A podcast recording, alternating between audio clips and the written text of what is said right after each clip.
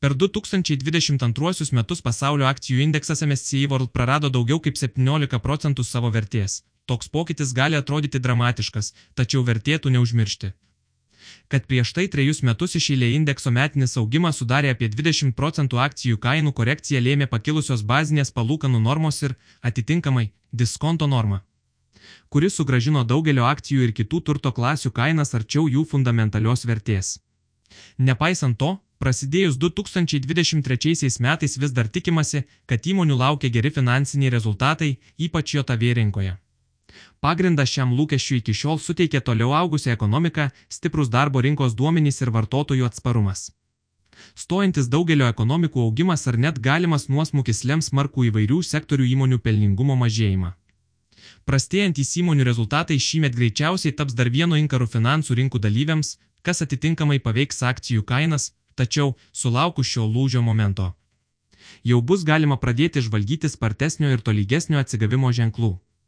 Tikėtina, kad daugelio šalių nekilnojamojo turto NT rinkos toliau raudonuos, o 2022 metais prasidėjusi įvairių kriptoaktyvų agonija šiai turto klasiai gali būti paskutinė. Sudėtingi metai laukia ir besivystančių rinkų, kurių prieš akiją yra Kinija.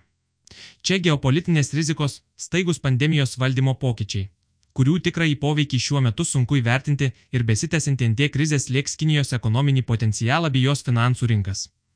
Kaip ir praėjusiais metais, taip ir šiais, vertės akcijos su stabiliu dividendų pajamingumu išliks patrauklesnės nei augimo akcijos, pavyzdžiui, technologijų srities įmonių, kurios dažnai žada tik pelną tolimoje ateityje. Nepaisant augimo akcijų didžiulio vertės kritimo per 2022 metais, jos dugno dar greičiausiai nepasiekė. Kita vertus, per praėjusius metus Europos regiono akcijos dėl Rusijos karo Ukrainoje, energijos kainų šoko ir kitų priežasčių patyrė didesnį smūgį nei jo tavėringa. Todėl yra pakankamai pagrindo tam, kad šįmet daugelis Europos akcijų rinkų parodys geresnius rezultatus, palyginti su JOTV. Pavyzdžiui, per praėjusius metus ypač nukraujavo Švedijos akcijų rinka, kurioje smarkiai pakilo bazinės palūkanų normos. Šioje rinkoje bus galima ieškoti patrauklių pirkinių su palyginti žemų kainos ir vertės santykiu.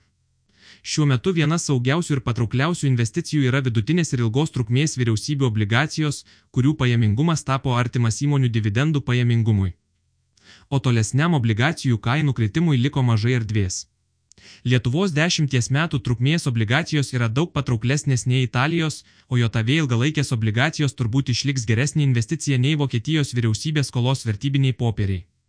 2023 įvairiais atžvilgiais turėtų būti geresni nei praėjusieji, bet spartaus akcijų rinkų atsigavimo per juos galime dar neišvysti.